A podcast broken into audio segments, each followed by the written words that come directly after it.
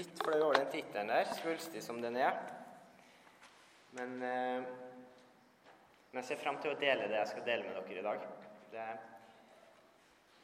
det er Jeg syns andakten ble bedre enn tittelen, for å si det sånn. Daniel heter jeg, ja. Og eh, jeg må drikke litt vann først.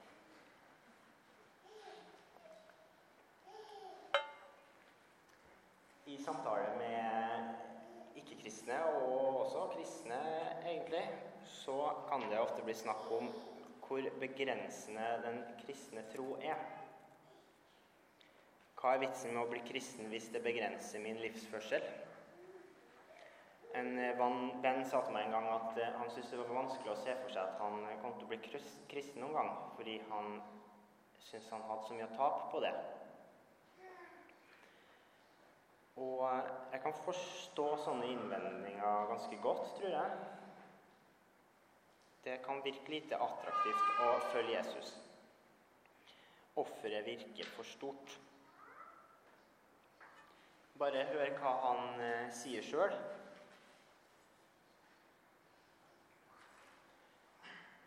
Vi finner lignende tekst i Matteus og Lukas også. Så kalte han til seg både folket og disiplene sine og sa til dem.: Om noen vil følge etter meg, må han fornekte seg selv og ta sitt kors opp og følge meg. For den som vil berge sitt liv, skal miste det, men den som mister sitt liv for min skyld og for evangeliets skyld, skal berge det. Hva gagner det et menneske om det vinner hele verden, men taper sin sjel? Og hva kan et menneske gi som vederlag for sin sjel? For den som skammer seg over meg og mine ord i denne utro og syndige slekt, skal også menneskesønnen skamme seg over når han kommer i sin fars herlighet sammen med de hellige engler. Litt harde ord, syns jeg. Og jeg kan forstå at eh, mennesker velger å vende han ryggen.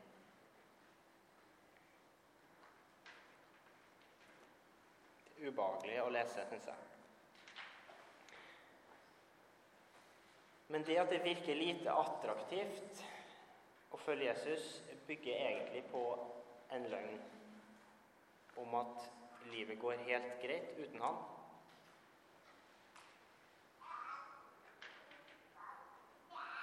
Men hva skal et menneske gi som betaling for sin sjel?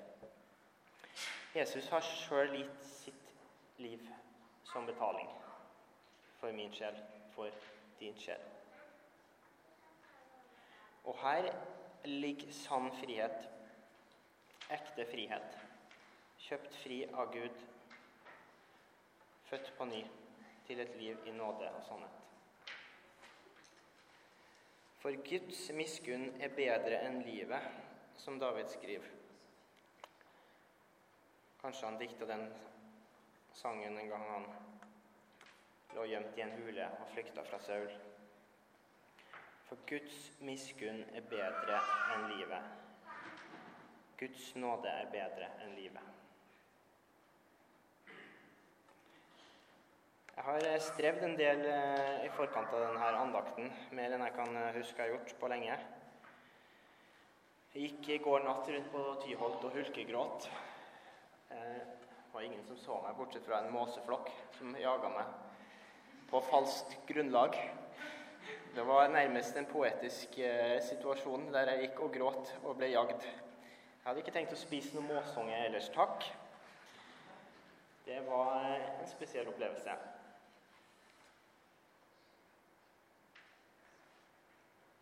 Det er godt å kunne le litt nå som sola har stått opp og er omgitt av hyggelige folk. Men det er også med stort alvor i dag jeg står her. Jesus har forutsagt at mange vil vende han ryggen. Og Det var et av de versene jeg leste i går, da jeg ble overvelda. I natt fant jeg til slutt hvile etter en lang tur i at Jesus kan bære den byrden også. Det er ikke en byrde jeg trenger å bære sjøl som kristen. Overhodet ikke. Og samme hvor knust jeg kan bli, av å tenke på muligheten for at mine nærmeste kan vende Jesus ryggen en gang. Samme hvor mye jeg gråter og blir knust over det, så er det bare et lite glimt av Guds kjærlighet for de menneskene. Guds farshjerte vil alltid banke sterkere, mye sterkere enn mitt hjerte for akkurat dem her. Jesus kan bære den byrden også.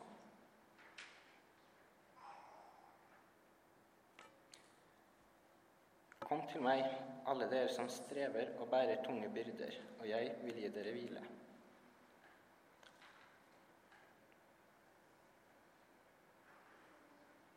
Ta mitt åk på dere og lær av meg, for jeg er mild og ydmyk av hjerte. Så skal dere finne hvile for deres sjel. For mitt åk er godt og min byrde lett. Matteus 11. Samme hvor begrensende, ydmykende eller tungt livet med Jesus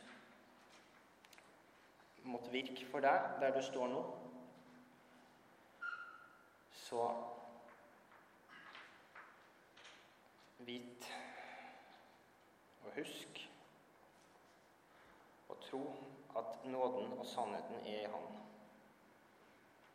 Det finnes ikke frihet noe annet sted enn hos Han. Det er ingen andre som har gitt sitt liv for at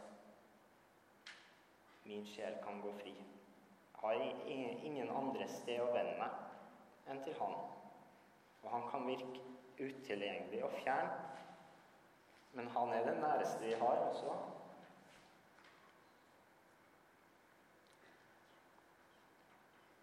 Og det er han som har skapt oss.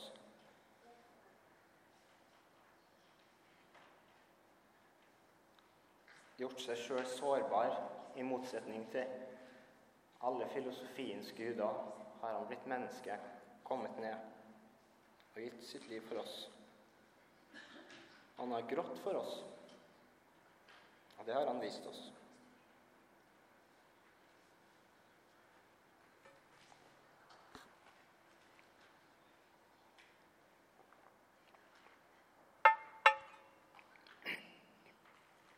Så må vi kanskje tåle en måseflokk av og til av falske beskyldninger.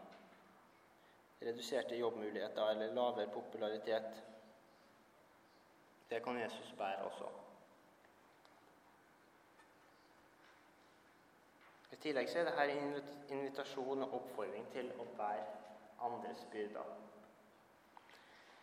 Kanskje vi kan ved vårt offer hjelpe noen andre til å innse at Jesus er verdt å følge livet ut, til tross for motgang og tvil. Vi kan hjelpe hverandre fram ved å bære hverandres byrder. Og Her ligger en av de største gavene vi har fått Ja, dette er kjærligheten. Ikke at vi har elsket Gud Jeg kan få noe på veggen nå, forresten. Ja, dette er kjærligheten. Ikke at vi har elsket Gud, men at Han har elsket oss og sendt sin Sønn til soning for våre synder. Mine kjære, har Gud elsket oss slik, da skylder også vi å elske hverandre. Ingen har noen gang sett Gud, men dersom vi elsker hverandre, blir Gud i oss, og Hans kjærlighet er fullendt i oss.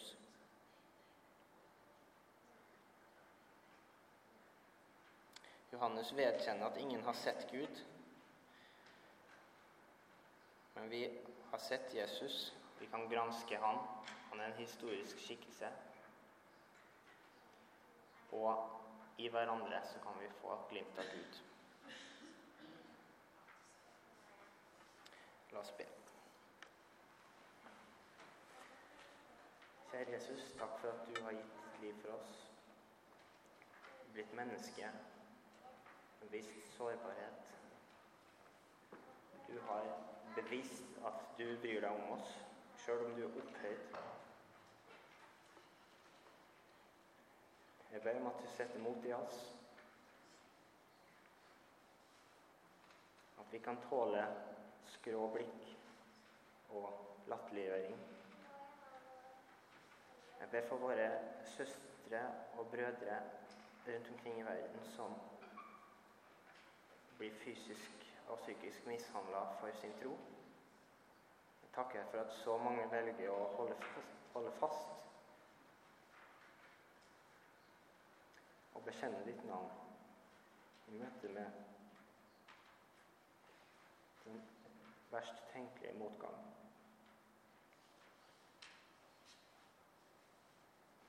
Jeg ber om at du inspirerer oss til å bære hverandres byrder og at vi være et fellesskap som er prega av din kjærlighet.